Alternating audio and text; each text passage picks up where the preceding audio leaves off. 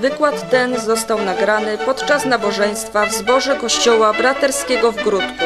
Po więcej informacji o naszej społeczności zapraszamy na stronę www.naskale.info. Zapraszamy do słuchania i życzymy błogosławionego czasu z Bogiem.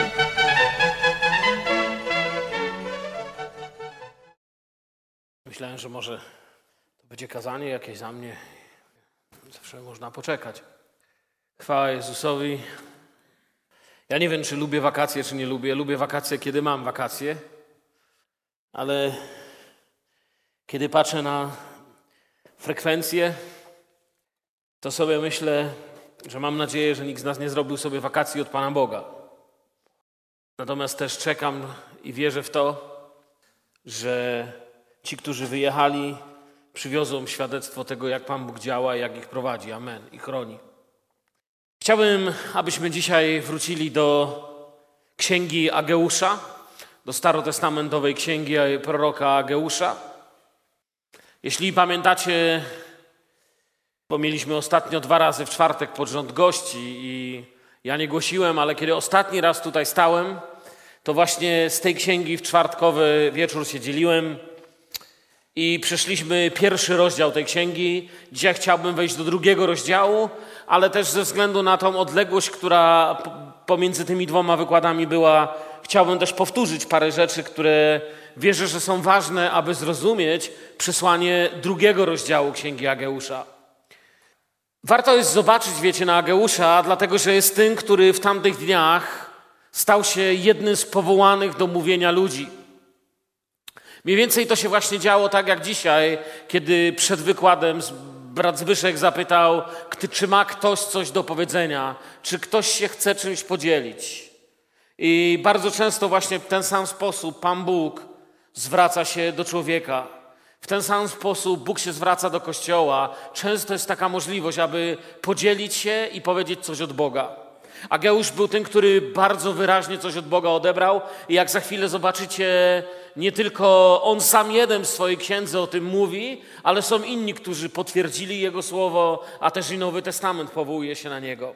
Jak już mówiłem w poprzednim wykładzie, pierwszym może chciałbym trochę powtórzyć, Ageusz bywa nazywanym jednym z małych proroków. Mówiłem wtedy, że nie jest mały, dlatego że miał, nie wiem, 1,40 m i dlatego był może mały. Nie jest mały, dlatego że nie był kimś znanym, ale, ale dlatego nazywa się ich małymi, że nie napisali wielkiej księgi, na przykład o Izajaszu, Ezechielu, y, Jeremiaszu. Mówią, że to są ci wielcy prorocy, prawda? Dużo rozdziałów, taka porządna księga. A później mówimy o tych, mówimy o nich, że to są mali prorocy. Chociaż księga, którą napisał i przesłanie, które miał, nie można nazwać małym.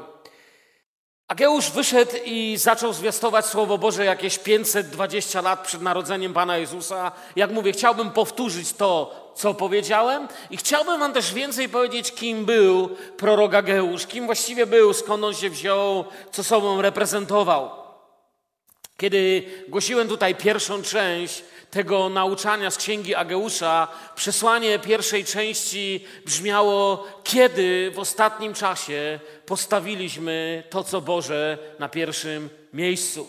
I mówiłem o tym, że to, co pierwszoplanowe, nie można osiągnąć przez to, jeśli to damy na drugi plan, a to, co drugoplanowe, zaczniemy traktować jako ważniejsze. Ageusz próbował przez swoje przesłanie przypomnieć narodowi Bożemu, przypomnieć nam, przypomnieć wszystkim Bożym ludziom, że jeżeli Bóg jest dla nas najważniejszy, to powinien być na pierwszym miejscu. Jeśli nie jest dla nas najważniejszy, to nie jest na pierwszym miejscu i to było przesłanie pierwszego rozdziału. Jakby zadawał pytanie, kiedy ostatni raz zobaczyliśmy na priorytety w naszym życiu, kiedy patrzyliśmy na priorytety, na to, co jest ważne. Ja myślę, że my żyjemy w czasie, kiedy priorytety chrześcijan są również bardzo zachwiane. Dzisiaj dla wielu ludzi najważniejsze jest, żeby dobrze zarobić. Kościół, Pan Bóg, nawet o kościele nie mówię, ale sam Pan Bóg jest właściwie na drugim miejscu, jest takim dodatkiem do tego, żeby im było dobrze. Również wielu chrześcijan ma na drugim miejscu, na trzecim, czwartym, piątym Boże powołanie, jakby to, co Pan Bóg od nich chce, Boże posłannictwo, często na pierwszym miejscu w dzisiejszych czasach, w XXI wieku jest ludzkie ja. My żyjemy w czasie, kiedy ja jest Bogiem i pieniądz jest Bogiem. Mamy taką, taką trójcę: sława, pieniądze, pozycja, czyli za każdym razem ja, i to jest Bóg dzisiejszego świata. Wiemy, że w tym świecie pieniądze są Bogiem. Jeśli je masz, jesteś kimś. Jeśli ich nie masz, jesteś nikim. Jeśli je masz, będą cię szanować. Jeśli ich nie masz, mają cię za nikogo. Jeżeli masz drogi samochód, patrzą na ciebie lepiej. Jeśli masz stary, tani, patrzą na ciebie gorzej. I bardzo często w chrześcijańskim życiu wielu ludzi również o tym zapomniało. Jak Geusz w pierwszym rozdziale mówi, kto jest dla was najważniejszy. Zobaczcie, jak się wam powodzi. Ludzie, zobaczcie, jak żyjecie. Mówił do sobie współczesnych. Wiemy, że pisał po tym, kiedy Żydzi wrócili z wygnania. Po strasznych latach niewoli wrócili i zdawało się, że coś będą robić, że z tego coś będzie. A tu mijał rok, drugi, trzeci, czwarty, piąty, szósty, siódmy, ósmy i tak dalej. Przemijają lata, a właściwie nic się nie dzieje, a cały entuzjazm powoli w nich umiera. Jak już mówiliśmy, i również to przypominam, Ageusz, imię Ageusz oznacza odświętny, uroczysty, świąteczny. Księga, którą studiujemy, Księga Ageusza, pokazuje nam go oczywiście w pierwszym rozdziale, w pierwszym wersecie jako proroka. Ageusz jest prorokiem. Ale w dwunastym wersecie pierwszego rozdziału pokazuje go jako człowieka posłanego od Boga, a więc człowieka, który mówi od Boga, po drugie człowieka posłanego od Boga i również trzynasty werset to potwierdza, pokazuje go nam jako posłańca Bożego w pierwszym rozdziale. Więc czy możemy zlekceważyć taki głos? gdzie wyraźnie Duch Święty, bo my wierzymy, że całe Słowo jest natchnione, że jest nam dane przez Ducha Świętego do nauczania. Amen? Jeżeli Duch Święty trzykrotnie mówi, że ten człowiek mówi od Boga i jest posłany od Boga, czy można zlekceważyć taki głos? Czy nie warto jest go zbadać, posłuchać, poddać się temu, co mówi? W tym wypadku, kiedy zaczynamy czytać pierwszy, drugi rozdział i dalej, jego imię przypomina im po 20 latach ich zaniedbania. Przypomina im o tym, jak wiele łaski, radości doświadczyli od Boga, wracając z wygnania, kończącą się niewolę, ale niestety nic z tym nie zrobili. I tu jest moja pierwsza myśl, którą chciałbym się z Wami podzielić. Czasami ludzie myślą tak, jak przestanę palić papierosy na przykład, to wtedy zacznę dopiero naprawdę żyć z Bogiem. Albo jak przestanę chorować, to wtedy naprawdę zacznę żyć z Bogiem. Jak Bóg mi poprawi zdrowie, to ja dopiero wtedy naprawdę zacznę żyć z Bogiem. A Bóg mówi: Jeśli mnie nie kochasz za to, kim jestem, to nie pokochasz mnie też za to, co ci mogę dać. W wielu miejscach Słowa Bożego Pan Bóg przypomina nam, i mamy to w Nowym Testamencie nauczane przez Jezusa, że choćby ludzie cuda widzieli, to wcale bardziej przez to Pana Boga nie pokochają. Pamiętacie przypowieść o Łazarzu i Bogaczu? Choćby i umarły, ktoś powstał i mówił, jeżeli nie słyszą Mojżesza, nie słuchają Słowa Bożego, nie pomoże. I przez wszystkie pokolenia ludzie tak samo się oszukują, że jeśli działoby się w ich życiu więcej cudów, wtedy owszem kochaliby bardziej Pana Boga. I w każdym pokoleniu, gdzie te cuda się wydarzają, ludzie pokazują, że właśnie to jest nieprawda że znowu Pan Bóg ma rację, że miłość do Boga jest wlana w nasze serca nie z powodu ilości cudów. I po dwudziestu latach od wydarzenia się wielkiego cudu, na który czekali, wypatrywali go w proroctwach, a nie mogli uwierzyć, że to się stało. Nie mogli uwierzyć w rozporządzenie Cyrusa, że mogą wracać i tak dalej, i tak dalej. Po 20 latach ich zaniedbanie jest ogromne, nie ma łaski, już nie ma radości, panuje ogromna przestępczość, korupcja i wtedy wychodzi na ulicę prorok Ageusz. Jego imię jest też wspomniane w księdze Zedrasza w piątym, szóstym rozdziale i widać go tam jako proroka. Zobaczmy teraz na to duchowo. W którym miejscu Ageusz znajduje się duchowo? Od początku patrząc, Bóg powołał Abrahama i dał mu obietnicę o ziemi obiecanej. W walce Jozue wprowadza ich do tej ziemi, a wcześniej idą za Mojżeszem prowadzeni do tego miejsca obietnicy. Za każdym razem ziemia obiecana i obietnica są główną myślą, przesłaniem.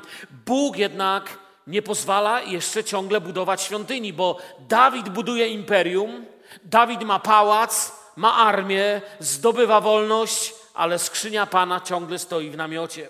Bóg nie pozwala zbudować świątyni, chce, by zrobił to Salomon.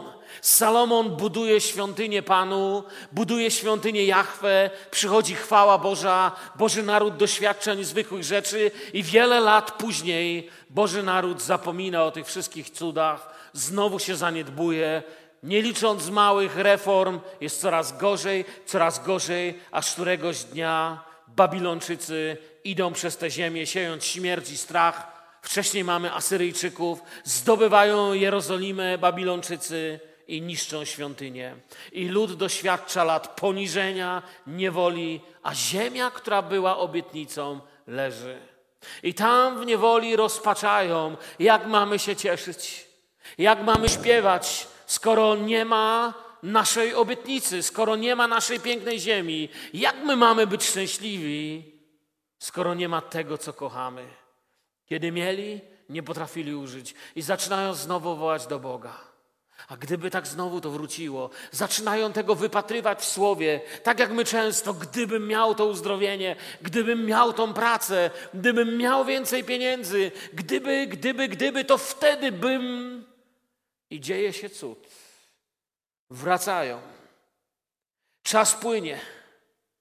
Mijają wielcy królowie, stają się historią. I pamiętacie nasze studium z księgi Daniela? Pewnego dnia władcą staje się Persja i następuje nowy imperator, król Cyrus. Wydaje edykt o odbudowie świątyni w Jerozolimie. Mamy to w księdze Zedrasza. I delegacja uchodźców udaje się do Jerozolimy i rozpoczyna się niezwykły czas nadziei, czas radości. W 538 roku wracają do domu, do Jeruzalem. W okrzykach, pośród okrzyków radości mówią: Bóg jest wielki, stało się, nie człowiek, nie oręż, nie armia, Bóg dał nam wolność, nareszcie mamy. I wraca do domu około 50 tysięcy ludzi na początek. W 536 roku rozpoczynają odbudowę, ma być odbudowana świątynia, miasto ma być znowu piękne, ale odbudowa staje się ciężką, niewdzięczną pracą wymagającą wielkiego wysiłku. Zniechęceni porzucają budowę i zajmują się odbudową reszty miasta, w tym i własnych domów. Bieda, braki, niebezpieczeństwa powodują, że ludzie Widzą jedynie swoje potrzeby i są zniechęceni. Jak już mówiłem, wzrasta przestępczość, korupcja i brak perspektyw. Tam, gdzie miało być tak pięknie, wszystko zaczyna się walić. Wszystko zaczyna iść nie tak. Oczywiście sąsiedzi i wrogowie też nie śpią. Polityczne naciski się rozpoczynają. Ludzi, którzy są przerażeni, że mogłoby znowu Jeruzalem wrócić do dni swojej chwały. Wszystko to wstrzymuje budowę świątyni. I księga Ezedrasza opowiada nam o tym dokładnie, jak bardzo przypomina to dzisiejszy stan, czy dzisiejszą rzeczywistość duchową. Świat zrobi wszystko, by Kościół był obojętny, niedbały, słaby. Świat nam wytłumaczy, że Bóg wcale nie jest najważniejszy, że przyjście Pana Jezusa, no może będzie, może nie będzie, wiele razy miał być koniec świata i tak dalej, i tak dalej. I gdy zaczynasz zmieniać też swoje życie, ludzie się śmieją. Inni są wyrzucani z pracy za to, że zmieniają swoje życie, bo kiedy zmieniasz życie, musi się zmienić wokół ciebie. Ezedrasz mówi o tych czasie zniechęcenia w swojej księdze w czwartym jej rozdziale, w dwudziestym czwartym wersecie. Nie musicie otwierać na razie, jeśli nie chcecie. W ten sposób ustała praca nad Domem Bożym w Jeruzalemie i była wstrzymana aż do drugiego roku panowania Dariusza, króla perskiego. A więc z powodu całego tego zniechęcenia miał być cud, była wielka radość. Zaczęło się, jeszcze raz to powtarzam, gdybyśmy mieli to i to i to, dokładnie tak jak my dzisiaj, cała lista przed Panem Bogiem, gdybyśmy to mieli, to byśmy zrobili, ale kiedy to otrzymali, okazało się, że byli tym tak zajęci, Ja pamiętam, miałem kiedyś kolegę, który był bardzo oddany w służbie Bogu. Służył wielu biednym ludziom i szczególnie miał na sercu ludzi pokrzywdzonych przez życie, czy którym w życiu nie wyszło. Ale kiedy stał się właścicielem jednego, drugiego, trzeciego supermarketu, wiecie co, od tamtego czasu nikt go już nie widział w zborze. I kiedyś się z nim spotkałem, mówię, o, witaj, wiecie, elegancko ubrany, z pięknym samochodem. Mówię, witaj, jak się miewasz? No, biznes, biznes. Ja mówię, tu wiesz, cóż, cię nie widzieliśmy, pastor ostatnio nawet pytał o ciebie i tak dalej. On, wiesz, nie mam czasu, chłopie, no módlcie się o mnie. Ja mówię, o co się modlić? No pomodlę się, żeby ci to zbankrutował ten interes. Tak spojrzał, wiecie. I faktem jest, że przyszła silniejsza sieć i te jego małe sklepy rzeczywiście dzisiaj zbankrutowały. Przez wiele lat przeżył na bezrobociu, ale co się okazało, kiedy był na bezrobociu, znowu zaczął służyć. Gdzie to jesteśmy my ludzie, tacy dziwni jesteśmy. Kiedy nam się zabiera nasze zabawki, jak dzieci w piaskownicy płaczemy, ale dopiero kiedy nam wszystko zabiorą, znowu zaczynamy mówić do Boga tata. Znowu widzimy swoją słabość. I w ten sposób ustała praca nad domem Bożym w Jeruzalemie. I Ezedras mówi nam, że stało się to i była wstrzymana, mówi, do drugiego roku panowania Dariusza, króla perskiego. I teraz przechodzimy do naszej księgi. Ciągle jesteśmy w tym, o czym już mówiłem. Jakby troszkę też powtarzam z poprzedniego. Drugiego roku Dariusza mamy, tu tak się zaczyna księga Ageusza, pierwszy jej rozdział. Czyli to jest właśnie ten czas, do którego ta praca leżała. Drugiego roku króla Dariusza, w szóstym miesiącu, pierwszego dnia tegoż miesiąca, doszło przez proroka Ageusza do Zorobabela, syna Szealtiela, namiestnika Judei, do arcykapłana Jozuego, syna Jeho Sadaka, słowo Pana tej treści. I tu mieliśmy ten wykład z pierwszej części, którą mówiłem, więc nie będę teraz powtarzał tego, co już powiedziałem. Kiedy wszystko pozornie się uspokoiło, Bóg powołuje proroka Ageusza do zwiastowania, jakie wtedy czytaliśmy, studiowaliśmy i dzisiaj będziemy studiować. Mija 20 lat, a ich entuzjazm upadł i każdy zajął się sobą. Wiecie, przypomina to trochę to, o czym objawienie Jana mówi czasami o pierwszej naszej miłości. Nie wiem, czy zauważyliście. Że często, kiedy człowiek tylko się nawróci, to gdyby wiedział, że, że będzie Panu Bogu się podobać, że nie wiem, pobiegnie na, na nogach na tą górę i wróci z powrotem, albo że nie wiem, cokolwiek zrobi, jest gotowy robić wszystko, byle Pan Bóg się cieszył, jak Pan Bóg się cieszy, mówi: Ja się cieszę. Ale potem doroślejemy. Stajemy się trochę jak dorosłe dzieci, które zapominają, kim jest ich rodzic. Opada entuzjazm, każdy zajmuje się sobą i Pan zaczyna przez Ageusza upominać lud, że zajął się sobą, pozostawiwszy dom Boży.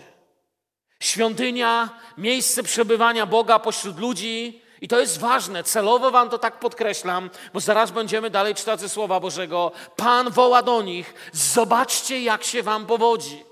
Zobaczcie, ludzie, jak wy żyjecie. Czy jesteście zadowoleni z tego, jak macie? Pracują, tyrają i ciągle nie widzą efektu. Robią, ale mają kryzys. I Boże przesłanie brzmi: zatrzymajcie się na chwilkę i pomyślcie, Cię, jak często nie widzimy związku między naszym codziennym życiem i duchowymi prawdami Słowa Bożego. Dzisiaj to bardzo ładnie już tutaj brat Zbigniew powiedział. Mamy książki, mamy kazania, mamy nabożeństwa. U nas, pamiętam kiedyś jeden brat powiedział, mam łeb 5 na 8 od teologii. Tylko duszę pustą, serce puste. Gdzie można mieć wielką głowę od tych wszystkich kazań. Mamy już tyle kazań, że pff, pff, szwach już ich nie możemy utrzymać. Tyle tego dostaliśmy. Tylko nie wiemy, co z tym zrobić. Brak jest takiego serca do zrobienia tego. Nie widzimy związku, że to ma coś wspólnego z tym, co robię w poniedziałek w pracy. Nieliczni przynajmniej. I oczywiście nie chcę jakby to głębiej wchodzić, bo to wiecie, wyszłoby, że właściwie jedyni ludzie bo, bo dzisiaj jest ten czwartek, ten wieczór. Ci z Was, którzy to przyszli, to są właśnie ci, którzy chcą studiować Słowo Boże. Więc ja nie chcę mówić coś, co nie jest dzisiaj dla Was, chcę mówić coś, co jest dla Was. Księga Ageusza jest Bożym narzędziem, które pomaga nam naprawić ten problem. Ageusz jest kimś, kto nam przypomina, Bóg jest pierwszy i jeśli to zrobisz, będzie Ci dobrze. I to jest to, co dzisiaj i wcześniej przemawiało do mnie z tej księgi. Kiedy mamy problemy, zwracamy się do ekspertów. Bóg wie, dlaczego wielu ludzi jest niezadowolonych ze swojego duchowego życia. Inni eksperci nie pomogą. Niedawno jeden z moich przyjaciół miał problem ze swoim samochodem. Zepsuł się i koniec. Co zastartował, ujechał kawałek, wyłączał się. I był mechanika, ten mechanik nic nie może pomóc. On mówi, słuchaj, chłop był, przyglądny, no nie, nic nie jest zepsute, no ale samochód się wyłącza. Sprawdzali. Zgadnijcie, co zrobił. W końcu poszedł do ekspertów, do producenta. I tamci potrafili dać odpowiedź. Bóg jest naszym stwórcą, jest ekspertem, jest tym, który zna odpowiedź. I ludzie przyjęli się tym, co powiedział Ageusz. Przyjęli to jako Słowo Boże. I ważne jest teraz, jaka będzie nasza odpowiedź. A więc przejdźmy do drugiego rozdziału Księgi Ageusza. Chciałem przeczytać i zwróćcie uwagę, nie dajcie się uśpić temu takiemu proroczemu tonowi księgi. Czy czasami my się damy uśpić Słowu Bożemu i nie pozwalamy Mu mówić do siebie. No jak takich, a takich, taki taki, powiedział to i to i bo, bo, bo, bo, bo, bo, bo, bo, no tak, już to znam. Posłuchajmy, co On mówi. W siódmym miesiącu, 21 dnia miesiąca, doszło proroka Ageusza słowo Pana tej treści. A więc jesteśmy już w siódmym miesiącu, jesteśmy trochę dalej niż w pierwszym rozdziale. Mów do Zorobabela, syna Shealtiela, namiestnika Judei i arcykapłana Jozuego, syna Jehosadaka i do całej reszty ludu. Czy pozostał jeszcze wśród was ktoś, kto widział ten dom w jego dawnej chwale? A jakim się wam dziś przedstawia? Czy to, co tu jest, nie wygląda na waszych oczach jako nic? Usłyszeliśmy, co mówi? Chciałbym, byśmy słyszeli, co on mówi. Ludzie, pamiętacie, jak było? Zobaczcie, co jest. Czy to jest to, jak ma być, Pan Bóg mówi? Ja celowo parafrazuję, byśmy trzeźwo czytali Słowo Boże. Lecz teraz bądź mężny, Zorobabelu, mówi Pan. Bądź mężny, arcykapłanie Jozue, synu Jehosadaka. Bądź mężny, cały ludu kraju, mówi Pan. Do dzieła, bo ja jestem z wami, mówi Pan zastępów. Zgodnie z obietnicą, którą wam dałem, gdy wychodziliście z Egiptu, mój duch jest stale wśród was, nie bójcie się, gdyż tak mówi Pan zastępów. Jeszcze raz, na, za małą chwilkę poruszę niebiosa i ziemię, morze i ląd stały. Poruszę wszystkie narody tak, że napłyną kosztowności wszystkich narodów i napełnię ten dom chwałą, mówi Pan zastępów.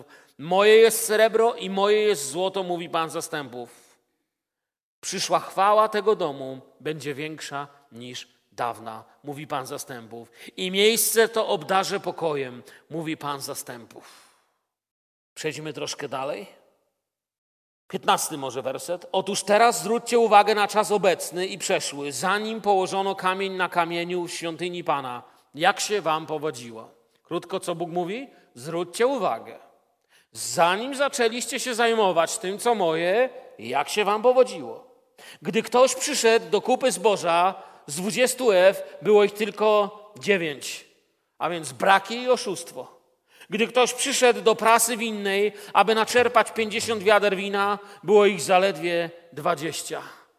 Kryzys mieli. Słowo kryzys z greki oznacza sąd, przypominam. Smagałem posłuchą, rdzą i gradem plony całej waszej pracy, a jednak nie nawróciliście się do mnie, mówi Pan. Czyli zatrzymajmy się teraz. Bóg mówi: Pamiętacie, jak było? Kiedy zajmowaliście się swoimi sprawami, przychodziliście, chcieliście, ale brakowało, nie było, ciągle było nie tak, wracaliście do domu niezadowoleni. Mówiliście: Coś jest nie tak. Przecież wróciliśmy do ziemi obiecanej. Jeśli to ziemia obiecana, to powinno być dobrze. Ale nie jest. I dalej Pan Bóg znowu mówi, osiemnasty werset, zobaczcie teraz, posłuchajcie. Zwróćcie uwagę na czas obecny i przeszły od, od 24 dnia 9 miesiąca, to znaczy od dnia, gdy położono kamień węgielny pod świątynię Pana. zważcie. Duch Święty podkreśla, zważcie, mówi Słowo Boże. Czy brakuje jeszcze nasienia w spichrzu i czy krzew winny, drzewo figowe, drzewo granatu lub drzewo oliwne nie wydają nadal owocu? Od dnia dzisiejszego ja będę wam błogosławił. Bóg mówi, teraz wszystko macie. Wzięliście się za moje sprawy i nagle znowu wszystko działa. I powtórnie doszło Ageusza słowo Pana 24 dnia tego miesiąca. Tak powiedz Zorobabelowi, namiestnikowi Judei. Poruszę niebiosa i ziemię, upadną trony królestw i zniszczę moc królestw pogańskich, obalę rydwany i jeźdźców, także padną rumaki i ich jeźdźcy, jeden od miecza drugiego. W owym dniu, mówi Pan zastępów, wezmę Cię, sługo mój Zorobabelu, synu Szealtiela, mówi Pan, i uczynię Cię swoim sygnetem gdyż wybrałem Cię, mówi Pan zastępów. Bóg mówi, teraz wszystko macie, a nawet jeśli jakieś wrogie siły na Was pójdą, ja się z tym rozprawię. To jest przesłanie Ageusza. Wiecie, to jest przesłanie do ludzi, którzy byli tak zmęczeni, że kiedy prorok do niektórych z nich mówił, to im się oczy ze zmęczenia zamykały. Byli tak zmęczeni, że nie mieli już siłę na żadną działalność świątyni. Byli zmęczeni od roboty, stresu, starań, korupcji. Czy nie przypomina wam to trochę dzisiejszych czasów? Dzisiaj niektórzy ludzie nie przyjdą, kiedy ich spytacie dlaczego. Powiedzą, chłopie, jestem tak zmęczony od roboty, że ja się boję, że jak tu dojdę, to się tu wywrócę. Nie mam już siły. Ale nie widać w ich życiu błogosławieństwa. A Geusz mówi, że ma dla nas odpowiedź. I ma kilka ważnych, kluczowych dla nas wersetów. I jeden z nich to jest lecz teraz bądź mężny Zorobabelu. I tam w tym czwartym wersecie drugiego rozdziału on mówi do dzieła, bo ja jestem z wami, mówi Pan. Do dzieła, czyli weźcie się do roboty, bo ja do tego przykładam rękę. Jeśli wierzycie, że ja do tego przykładam rękę, to weźcie się za to.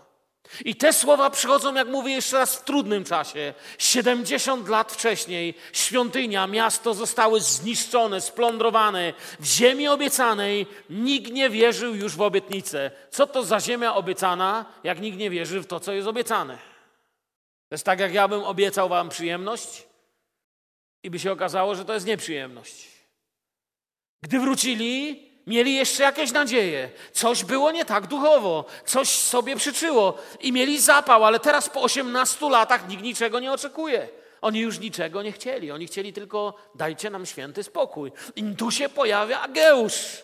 Dla jednych staje się niepopularny, dla innych staje się wielką zachętą.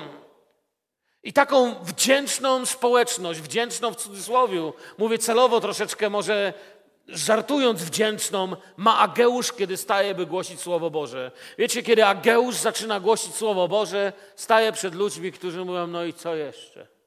Jeszcze coś? Chcielibyście pracować z takimi ludźmi? Ludźmi, którzy już w nic nie wierzą. I oto w siódmym miesiącu, 21 dnia miesiąca, czyli około 17 września 520 roku przed narodzeniem Pana Jezusa, Ageusz dalej zaczyna pouczać i zachęcać naród. Mija mniej, mniej niż miesiąc.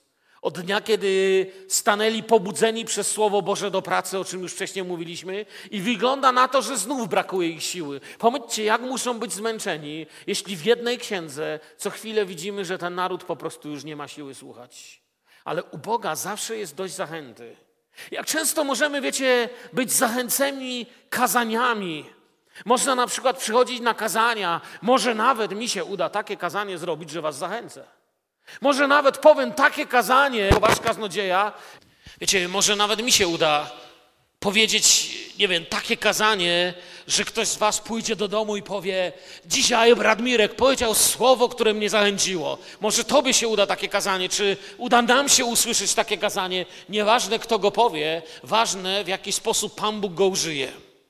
I zaczynamy dostawać wspaniałe słowo. Ale wiecie co? Często zachęceni kazaniami z niedzieli rozbijamy się o codzienność poniedziałku. Ja myślę, że doświadczyliście tego samego, że kazanie nas zapala, tak jak prorok Ageusz zapalił swój naród. Ale codzienność, jak człowiek wyjdzie na ulicę, jak zobaczysz tą gębę swojego szefa wiecznie niezadowoloną, Jak zobaczysz tych kierowców zdenerwowanych na siebie, jak zobaczysz to wszystko, a jeszcze wieczorem włączysz wiadomości i usłyszysz, co znowu ci politycy mówią, to siadasz i masz wszystkiego dosyć. Rozbija się o codzienność cała nasza zachęta. I widzicie, jeśli teraz, dlatego ja od pewnych tych rzeczy się chcę odcinać, jeśli nie trwamy systematycznie w czytaniu i przeżywaniu i odkrywaniu Bożego Słowa, przychodzi zmęczenie i zniechęcenie. Stajemy się letni. Często, kiedy studiujemy to, to, te słowo letni, kojarzymy z objawieniem świętego Jana, prawda? Jeśli ktoś jest letni, czytamy tam, wyplujecie z ust moich. I to słowo letni traktujemy bardziej jako obelgę. Jakbym chciał kogoś obrazić, to mu powiem letni jesteś. A on mi powie nieprawda, to ty jesteś letni.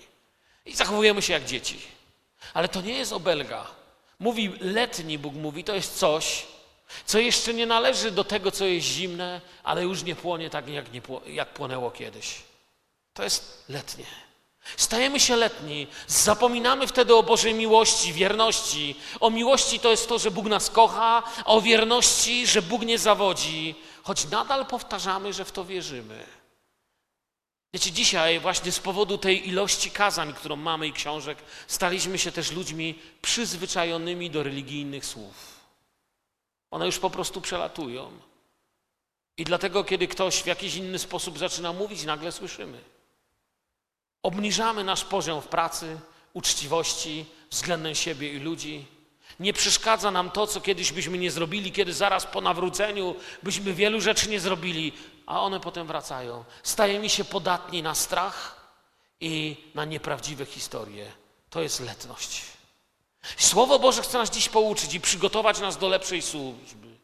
I Ageusz pokazuje nam, jaka może być straszna, jak osłabiająca może być moc zniechęcenia. Wiecie, zniechęcenie sprawia, że nie masz siły żyć twórczo. Kiedy człowiek nie ma chęci, nic nie tworzy. Nie masz siły przeciwstawiać się nieprawdzie, budować i cieszyć się. Żyjesz tylko z dnia na dzień, żeby tylko nie zwaliło się co moje. Nie mam już siły. Powtarza dzisiaj na świecie coraz więcej ludzi. Zaczynasz robić mniej niż możesz i coraz mniej ci się chce. O takich czasach mówi Ageusz. Do takich ludzi zwraca się tutaj Słowo Boże. Pamiętam, czytałem kiedyś historię pewnego biskupa. Nazywał się Handley Moore. Był jednym z najbardziej poważanych w Anglii ludzi. Nawrócił się, kiedy miał 25 lat w Wigilię. Święta Bożego Narodzenia w 1866 roku przeżył gorliwe nawrócenie. Wiecie, ten człowiek płonął od wiary, mówił o Jezusie na lewo, na prawo, w niesamowity sposób przeżywał Pana. Kilka lat później, po tym, gdy prowadził służbę duszpasterską, pracował z ludźmi, do tego stopnia oziąb zmęczył się, wypalił. Przez problemy, oszustwa ludzkie dostał depresji. Był tak zniechęcony, tak zmęczony ludźmi, że nie mógł już na nich patrzeć. I w rozpaczy napisał list. Pisał do swojego ojca, do swojego taty. Cytuję, czytam wam z tego listu. Ze smutkiem czuję potrzebę dziesięciokrotnej łaski, zanim stanę się wierzącym z radosną nadzieją i sługą, którego Bóg może używać w kościele, tak naprawdę używać, podkreśla tu. Doświadcza lat takiego dołu, depresji, zniechęcenia. Robił tyle dla Pana, ale mówi: Ja już nie mam siły. W 1883 roku do Kesły, gdzie mieszkał, gdzie był kaznodzieją, przybywa pewien wędrowny kaznodzieja, biznesmen, przemysłowiec i głosiciel Słowa Bożego. I w takiej wielkiej stodole, w takim składzie, gdzie zbierają się setki ludzi, zaczyna zwiastować Słowo Boże. I biskup postanawia, że pójdzie zobaczyć, no co tam mówią. No, co prawda nie był to jego kościół, ale myśli, przejdę się, zobaczę o czym i co tam będzie. William Sloan, tak się nazywał kaznodzieja, który tamtego dnia głosił wieczorem. Jak już mówiłem, przedsiębiorca głosił z księgi Ageusza z pierwszego rozdziału, z szóstego wersetu. Siejecie wiele, lecz mało zbieracie. Jecie, lecz nie dosyta. Pijecie, lecz nie gasicie pragnienia. Ubieracie się, lecz nikt nie czuje ciepła. A kto pracuje, by zarobić, pracuje dla dziurawego worka. I mówi takie słowa, czytam wam fragment kazania. Gdy rządzi nami nasze własne ja zamiast Chrystusa, nasze dusze są głodne. Tylko życie całkowicie oddane Chrystusowi jest pełne ducha zwycięstwa. Biskup siedzi, jest kimś w kościele, ma pozycję, tyle zrobił, jest z tego ładnego budynku, bo mieli lepsze niż ci tu w tej stodole. Jest z tych, którzy coś zrobili. Przecież tyle lat pracował dla Boga. I wiecie, co się nagle dzieje? Nagle biskup w tym dumie wstaje. I zaczyna głośno wołać na całą stodołę, na całe zgromadzenie: Ja chcę być uczniem Chrystusa! Ja chcę być uczniem Chrystusa! I zaczyna płakać, ma dość swojego zniechęcenia, depresji i tego wszystkiego. Podchodzą do niego, zaczynają się modlić. Zaczyna wyznawać swoje grzechy, swoje zniechęcenie, swoje krytykanstwo, tą gorycz siebie wyrzuca. I od tamtego dnia aż do swojej śmierci w 1920 roku jest jednym z największych kaznodziejów, jakich ma Anglia. Wtedy Bóg na nowo rozpala jego ogień. Kiedy rezygnuje z siebie, z tego oporu, z tego ciężaru, który go przygniata, z tego zniechęcenia. Widzicie, zniechęcenie, jak wszystko, ma swoje źródła. Kiedy Kościół staje się zniechęcony, to ma swoje źródła i, i, i, każde drzewo ma swój korzeń. Wszystko, co rośnie, ma gdzieś korzeń.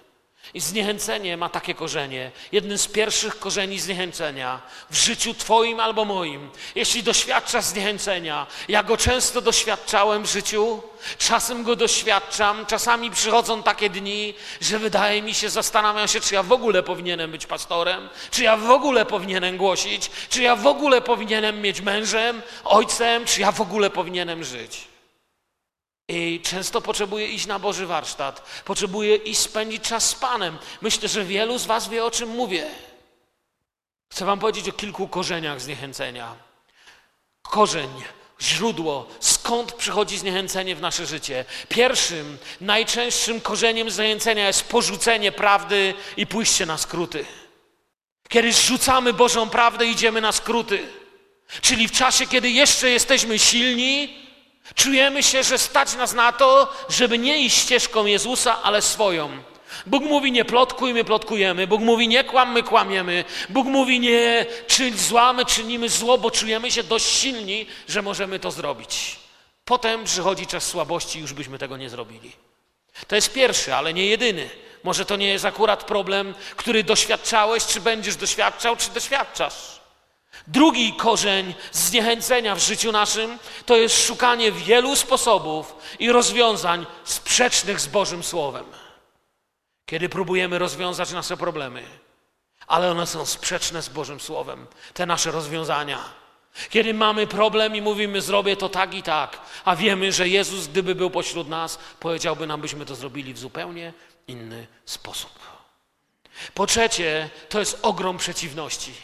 Często nie ty jesteś winny, że tyle rzeczy przeciw tobie się dzieje. To jest czas, żeby wtedy odłożyć inne sprawy i skupić się na Panu, bo Pan jest pasterzem moim. On mnie prowadzi, nawet przez Dolinę Cienia. Być może ktoś z Was doświadcza, czy będzie tego doświadczał, więc być może nie jest to pierwszy i drugi punkt. Może w ogóle nie zrobiłeś nic złego, ale cierpisz z powodu tego, co ktoś zrobił. I po czwarte, chęć natychmiastowych efektów. Kiedy zaczynamy pracować z Bogiem, bardzo często chcemy już teraz doświadczać efektów. I kiedy człowiek bardzo mocno na to naciska i prze, najczęściej kończy się to jego zniechęceniem, zgorzknieniem, krytyką, bo to nie chce działać. Wiecie, trochę przypomina wtedy rolnika, który sadzi ziemniaka, zakopuje go w ziemi, stoi i czeka. No rośnie, rośnie. Nie rośnie. No więc przyjdę jutro, ale jak jutro nie urośniesz, to się nie stanie, bo jest wbrew naturze. Do pewnych rzeczy trzeba dojść. Pewne rzeczy Bóg zrobił i Bóg dla ciebie nie zmieni. Bóg może czynić cuda. Jak Bóg będzie chciał, to ziemniaki mogą e, wyrastać, wiecie, w 15 sekund, takie jak drzewo. ale normalnie wszystko idzie według swojej i często się wypalamy, zniechęcamy, bo nie działa tak, jak my byśmy chcieli. Ale Pan Bóg może czynić cuda. Czasami, wiecie, rzeczy działają tak, jak nie powinny działać. Niedawno tutaj z braćmi siedzieliśmy i opowiadałem braciom coś, co czytałem w jednym biuletynie misyjnym o jednej wiosce w Chinach, gdzie mieli straszny głód i Kościół się zaczął modlić, Boże, poślij jakieś zaopatrzenie, bo giniemy z głodu. I wieczorem ryby leciały z nieba. Ludzie mówili, jak to ryby lecą zamiast deszczu? Razem z deszczem na wieś padło pełno ryb. Ludzie wiedzieli, że to jest cud. Oczywiście ci, którzy to zbadali, odkryli, że to był cud, ale ten cud też się opierał na naturalnym działaniu przyrody. Trąba powietrzna zassała te ryby z oceanu i rzuciła kilkaset kilometrów dalej na wieś. Wiecie, jeśli my możemy samochodami, Pan Bóg może trąbą, żaden problem. Bóg ma lepszy transport niż my. Bóg może robić dziwne rzeczy. Ale wyobraźcie sobie teraz tą wieś, gdyby się zniechęcili, Boga nie ma, ryby z nieba nie lecą. A więc to jest ten czwarty korzeń. Bóg mówi, nie błądźcie. Bóg nie da się z siebie naśmiewać. I chciałbym zwrócić Waszą uwagę na drugą część tego wersetu. Albowiem co człowiek sieje, to i rządź będzie. Kochani, co posiejemy w grudku, to nam w grudku wyrośnie. Nie mówię w ogródku, tylko w grudku. Co posiejemy w grudku, to nam w grudku urośnie. Co posiejemy w naszym domu, to nam w domu urośnie. Najlepszym świadectwem tego są dzieci. Co siejemy, to nam rośnie. I Ageusz pokazuje i daje Bożą zachętę i mówi do ludzi: wejdźcie, spróbujcie na nowo, na nowo zaszczepcie w siebie wiarę. Lecz teraz bądź mężny, Zorobabelu, mówi Pan. Bądź mężny, arcykapłanie Jozue, synu Jehosadaka. Bądź mężny, cały ludu kraju, mówi Pan. Do dzieła, bo ja jestem z wami, mówi Pan zastępów. Zgodnie z obietnicą, którą wam dałem, gdy wychodziliście z Egiptu. Mój duch jest stale wśród was. Nie bójcie się. Przepraszam, wiecie, w którym miejscu jesteśmy? Jesteśmy około 20 lat po powrocie z niewoli babilońskiej. Zgadza się? W księdze Ageusza. Przepraszam, czy wczoraj wyszli z Egiptu? To już minęło. W tysiącach da się mierzyć. To już minęło dawno. Wyszli z Egiptu już dawno. A on powołuje się na wyjście z Egiptu i mówi: Jak wtedy powiedziałem, tak mój duch jest stale wśród Was. Nie bójcie się. Kiedy wychodzili z Egiptu? Nie 20 lat, bo 20 lat wcześniej wrócili z Babilonu, nie z Egiptu. Ale wychodzili do ziemi obiecanej razem z Mojżeszem z Egiptu i wtedy Pan im obiecał, że będzie z nimi. I mówi: bądź mężny.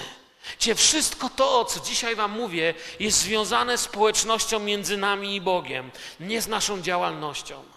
Ja Wam powiem, naszą największą słabością jako zboru nigdy nie będzie brak środków, bo to Bóg może znaleźć. To Pan Bóg potrafi rozwiązać. Nigdy nie będzie tego typu coś fizycznego, ale zawsze i naszą, i każdego kościoła, który byście nie znaleźli, słabością będzie nasza relacja z Panem. To jest nasza słabość. Nasza relacja między Tobą i Bogiem, między mną i Bogiem. On mówi: bądź mężny. Trzeba mieć odwagę w tych dniach, stać za Bożą prawdę. Mówi: bądź mężny. To były dni, kiedy trzeba było mieć odwagę. Wiecie czemu? Bo kiedy Ageusz mówił, kiedy oni głosili, ludzie słuchali i mówili: Ludzie, co wy to gadacie? Czy wy nie widzicie, że się czasy zmieniły? Czy wy nie widzicie, że nic się nie da? Czy wy nie widzicie, że nic dziś nie działa? Kiedyś to było, za naszych ojców to to było, ale nie dziś. A Bóg mówi: bądźcie mężni. Chwała będzie większa niż była wcześniej, mówi. Teraz będzie jeszcze lepiej niż było, mówi do nich. A ludzie nie wierzą. I niektórzy z nich wstają, i w związku z tym, co głosi Ageusz, stają się mężni. Czytałem o pewnym pastorze kiedyś w jednej książce, nie pamiętam jak się nazywał, ale e, pamiętam historię, którą opisywał, pojechał głosić do szpitala, takim, do takiego szpitala, właściwie nie szpitala, a takiego DPS-u, domu pomocy społecznej, czy bardziej powiedzieli dzisiaj domu weterana, domu starców, gdzie weterani, którzy przeżyli wojnę, starsi oficerowie, którzy się już zestarzeli, opadli z sił, do, dożywali swojego końca. I mówi, że w kaplicy, w której głosił, zobaczył ciekawy rysunek. Na tylnej ścianie kaplicy były narysowane, wiecie, ktoś namalował farbą góry, płynęła rzeka, no taki ładny widoczek, jak to u nas też niektórzy mają w domach, takie ładne widoczki, które się maluje. Ale mówi, zaciekawiło go jedno. Ryby, które były w tej rzece, były do góry brzuchem, zdechłe płynęły. Co myśli, co to za widoczek? Tylko jedna ryba była żywa i jeszcze do tego czerwona. I myśli sobie, muszę po kazaniu się zapytać, co to za obraz jest. I kiedy się skończyło nabożeństwo, podszedł do jednego z tych tam braci w tej sali i mówi, słuchaj, co to za obraz jest? No taki ładny krajobraz, ale w tej rzece ryby zdechłe płyną, tylko jedna ryba żyje. A on mówi, a to namalował jeden człowiek, który doświadczył Bożego przebudzenia. I ten obraz mówi o tym, chciał wszystkim przypomnieć, że zdechłe ryby płyną razem z prądem w dół rzeki, a tylko żywe ryby płyną w górę, tam gdzie jest świeża, do źródła, do świeżej wody. I on mówi, że ten obraz to jest kazanie. Niesamowity obraz. Do dzieła, bo jestem z wami, mówi Pan przez księgę Ageusza. Nie patrz na to, czy ludzie są z tobą, do dzieła, bo jestem z wami. I wiecie, po, po, poniżej w ósmym, dziewiątym wersecie pokazuje wielką prawdę. Moje jest srebro i moje jest złoto, mówi Pan zastępów. Czemu Bóg im to mówi? Bo oni mają ten sam sposób mówienia, co my. Do dzieła, bo jestem z wami. Panie, panie, moment. Pieniędzy nie mamy. Długi mamy. Co mogliśmy, to zrobiliśmy. Więcej się nie da. Będą pieniądze, będziemy robić. Gdybyśmy mieli pieniądze, to byśmy nie potrzebowali Pana Boga. Ktoś powie, nieprawda, też bym potrzebował. Wiecie, jest niewielu ludzi. To jest wielki talent, umieć być bogatym. Biednym potrafi być każdy. Pod mostem może się znaleźć każdy, ale być bogatym to trzeba potrafić. W sensie być bogatym i kochać Boga, to mam na myśli. To nie jest łatwe. Nawet Jezus powiedział, że wielbłądowi prościej przejść przez ucho igielne. A jednak są tacy, co potrafią. Ale tutaj Bóg do nich mówi, bo teraz nie na ten temat nauczę, nie chciałbym odejść od tematu. Bóg mówi, bo oni, wiecie, są zniechęceni, a nic nie da się zrobić. A Bóg mówi, moment, moje jest srebro i moje jest złoto. Oni nikt nam nic nie da, przecież wiesz, że nas wszyscy nie lubią. A Bóg mówi, ale co mnie interesują oni? Moje jest zdrowie. Moja jest radość, moje są błogosławieństwa. Mało tego, Bóg może powiedzieć: Mój jest ten budynek, mój jest ten zbór, moja jest wasza historia, moja jest wasza teraźniejszość i moja jest wasza przyszłość. Przestańcie się trząść o to, co nie jest wasze. A zajmijcie się tym, co do was należy. Przez to banie się o to, co nie wasze, zapominacie o tym, o czym się powinniście martwić. Mówi Pan zastępów, przyszła chwała tego domu, mówi, będzie większa niż dawna, mówi Pan zastępów. I miejsce to obdarzę pokojem, mówi Pan zastępów. To jest ósmy, dziewiąty werset. Wiecie co, tu widzę trzy rzeczy, chcę wam powiedzieć. Po pierwsze, czyje jest złoto? Pana. Czyje jest srebro? Pana. A kto daje pokój? Pan. Zobaczcie, wszystko, co człowiek potrzebuje, czyli dostatek, który go otacza i pokój w tym dostatku, Bóg mówi, to jest moje. A więc o co Panu Bogu chodzi, kiedy krzyczy do tego ludu, do dzieła? Kiedy mówi, zróbcie coś. Bo nam się czasem wydaje, że Bóg mówi, słuchajcie, ja wszystko za was zrobię. Wszystko, co jest, jest zrobione. Nie, Bóg mówi, zróbcie, moje są zasoby, Moje jest błogosławieństwo, ale wasza jest miłość, wasze jest gorliwe serce. To wy zdecydujecie, jak będzie. Możemy sobie czasem myśleć, może nam się wydawać, jak my sobie poradzimy. Czy nie wiecie, że świątynią pańską jesteście? Moje jest srebro, moje jest złoto. Nic z nas, wszystko z Pana. Nasza świętość czy sprawiedliwość nie istnieją. Wszystko, co cenne i co czyni świątynię wspaniałą, jest z Pana. To jest to, co Ageusz nas chce nauczyć. Ageusz do nas mówi: Wasza jest miłość, wasza jest gorliwość, a to, co buduje świątynię, to należy do Pana. To On ma. Pytanie, czy Was ma? Bo Bóg nie chce pustej świątyni. Mój duch jest stale wśród Was. Gdy Pan mówi, że jest z nimi, powołuje się na obietnice, które im dał w piątym wersecie, już o tym mówiłem, dane jeszcze przy wyjściu z Egiptu. Jak już mówiłem, setki lat liczone. Boże Słowo nigdy nie jest historią, mówi ten werset innymi słowami. Kiedy Bóg mówi, że gdy wychodziliście z Egiptu, byłem z wami, teraz będę z wami, moje obietnice działają prosto Tak po naszemu, po chłopsku mówiąc, Bóg mówi: Moje słowo nigdy nie staje się archiwum. Moje słowo nigdy nie jest historią. Wasza Biblia to nie jest archiwum tego, co kiedyś powiedział Pan, ale to są najnowsze wiadomości z tego, co dzisiaj przed tronem Bożym zostało powiedziane. To jest to. Mój duch jest wśród was. Boże Słowo nie jest historią. Może przy nawróceniu brzmiało jak tak realnie, a potem doroślejemy, stajemy się dorośli. A Bóg mówi: Moje słowo nadal jest prawdziwe. Nie bój się. Do nich mówi. To też jest możliwe tylko w Bożej obecności. Jeśli człowiek boi się Boga, nie musi bać się niczego więcej. Mówiłem ostatnio tutaj na modlitwie ze Spurgeona ten fragment przeczytałem, że jeśli raz człowiek spojrzał w życiu w Bożą twarz, to już nigdy nie będzie się bał więcej człowieka. Kto raz zobaczył Bożą twarz, już się nie będzie lękał żadnej ludzkiej twarzy. Nie bój się. Bo pokazuje, że wszystko jest Jego. To nie zależy od starań człowieka, który go lekceważy. Ja czasami tak bardzo się martwię. Panie, jak ja sobie poradzę? Jak ja sobie dam rady? Jak załatwić to, jak załatwić tamto?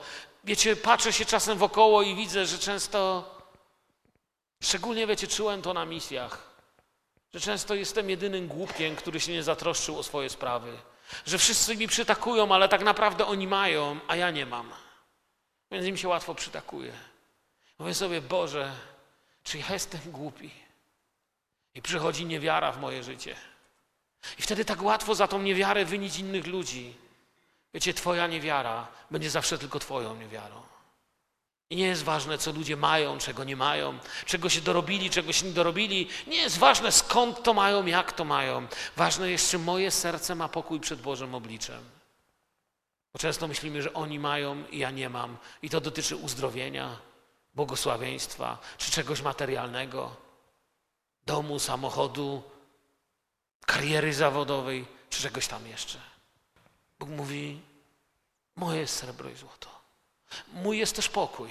I Jezus to samo mówił: Nie troszcie się o dzień jutrzejszy. Popatrzcie na ptaki. Popatrzcie na lilię. Bóg nie mówił wtedy, Pan Jezus nie mówił do nich: Słuchajcie, zostańcie nierobami, nic nie musicie robić. To nie to.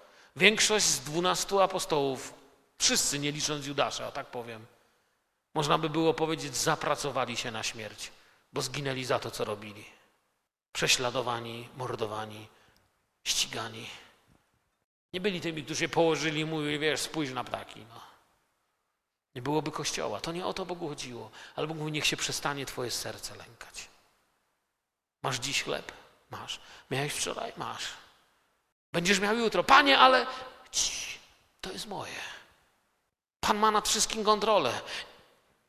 Bóg zawsze zaczyna od małego. Taka jest Boża natura. Widzieliście kiedyś drzewo, które zaczynało od dużego, a doszło do małego? Nigdy się nic nie rodzi duże, żeby się, żeby zmaleć, ale wszystko rodzi się małe, żeby wzrastać. Abraham wyszedł i nie wiedział nic ponad to, że ma iść. Dawid uczył się na pastwisku, a Jezus rodził się w stajni.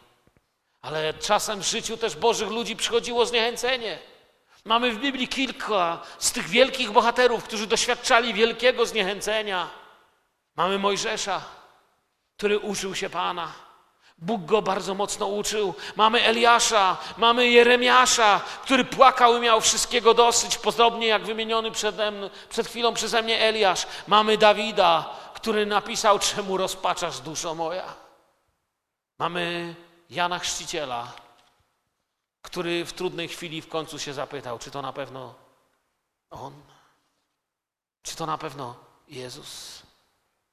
Księga Ageusza wzywa nas do tego, żebyśmy odnowili swoją relację, żebyśmy pozwolili Bogu odbudowywać to, co jest Jego. A On mówi, że On ma materiały, On się zatroszczy, ale chodzi Mu o nas. I mówiłem wcześniej, że Nowy Testament jeden raz wspomina Księgę Ageusza, inaczej cytuję ją, jest troszeczkę inaczej przetłumaczona z języka hebrajskiego w liście do Hebrajczyków, ale to jest Księga Ageusza, cytowana dokładnie. W Hebrajczyków 12 jest zacytowana. Baczcie, abyście nie odtrącili tego, który mówi. Jeśli bowiem tamci odtrąciwszy tego, który na ziemi przemawiał, nie uszli kary, to tym bardziej my, jeżeli się odwrócimy od tego, który przemawia z nieba. I tu mamy Ageusza. Ten, którego głos w ten czas wstrząsnął ziemią, zapowiedział teraz, mówiąc: Jeszcze raz wstrząsnę nie tylko ziemią, ale i niebem. To jest tu powoływanie się na Ageusza. Troszkę inaczej powiedziane to jest to. Słowa jeszcze raz wskazują, że rzeczy podlegające wstrząsowi ulegną przemianie, ponieważ są stworzone, aby ostały się te, którymi wstrząsnąć nie można. Przeto okażmy się wdzięcznymi. My, którzy otrzymujemy królestwo niewzruszone i oddawajmy cześć Bogu tak, jak mu to miłe, z nabożnym szacunkiem i bojaźnią, albowiem Bóg nasz jest ogniem trawiącym. Mówi spokojnie. On ma wszystko pod kontrolą. To jest to, co macie robić. Oddawajmy Mu cześć w prawdziwej świątyni, w prawdziwym duchu i prawdzie. Czas świątyni, o której czytamy w Ageuszu, trwał od 516 roku do 169 roku przed Chrystusem. Przechodziła straszne rzeczy. Wszyscy wiemy o tym, że w 70 roku zostanie całkowicie zrównana, ale jakiś czas przed narodzeniem Pana Jezusa kilkakrotnie będzie oblegana. Będą przez nią przechodzić wojska, zdeptają miejsce najświętsze poganie. Również wiemy, że jeden z antychrystów pod imieniem Antioch Epifanes zbezcześci ją w szczególny sposób. Potem będzie coraz gorzej, ale Jezus przyniesie przesłanie o zupełnie innej świątyni. I tego, co mówi Jezus, można się chwycić już dziś i budować. To jest to, czym się chciałem dzisiaj z Wami podzielić ze Starego Testamentu. Niech Was Pan błogosławi, niech Was prowadzi.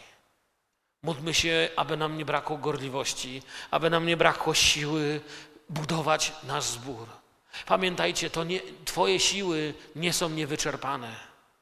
Twoje siły mogą się skończyć. Niektórzy z Was wiedzą, że tak jest, inni jeszcze w to nie wierzą, ale uwierz mi, że tak może być. Moje siły nie są niewyczerpane. Nie jesteś niezawodny, ani ja nie jestem niezawodny. Możesz upaść i ja mogę upaść. Ale większy jest ten, który mieszka w nas, niż ten, który jest w świecie. On ma wszystko, moje srebro, moje złoto i ja posyłam pokój. A wy, wy się nie bójcie i budujcie, Bóg mówi. Buduj i nie bój się tego, co będzie jutro. To jest Jego przesłanie i niech On was błogosławi. Powstańmy i podziękujmy Mu za Jego słowo. Chwała, Panie, Tobie. Wywyższamy Twoje imię i dziękujemy Tobie, Panie, za Biblię, którą mamy. Za to, czego nas ta Biblia naucza i za to, jak cudownie nas prowadzi. I prosimy Ciebie dzisiaj, abyś dał nas zachęty, posilenia. Proszę Cię, Panie, odnawiaj moje siły. Widzisz, Panie, jak często brakuje siły nawet, żeby już cokolwiek powiedzieć.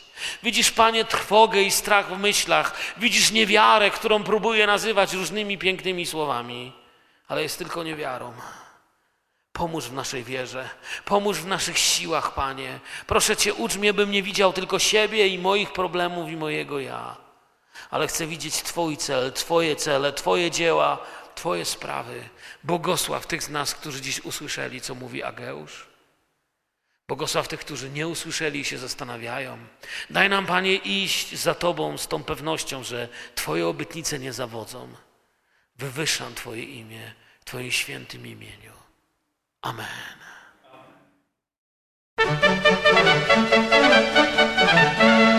Tato nahrávka byla pořízena ve schromáždění Církve Bratrské v Hrádku.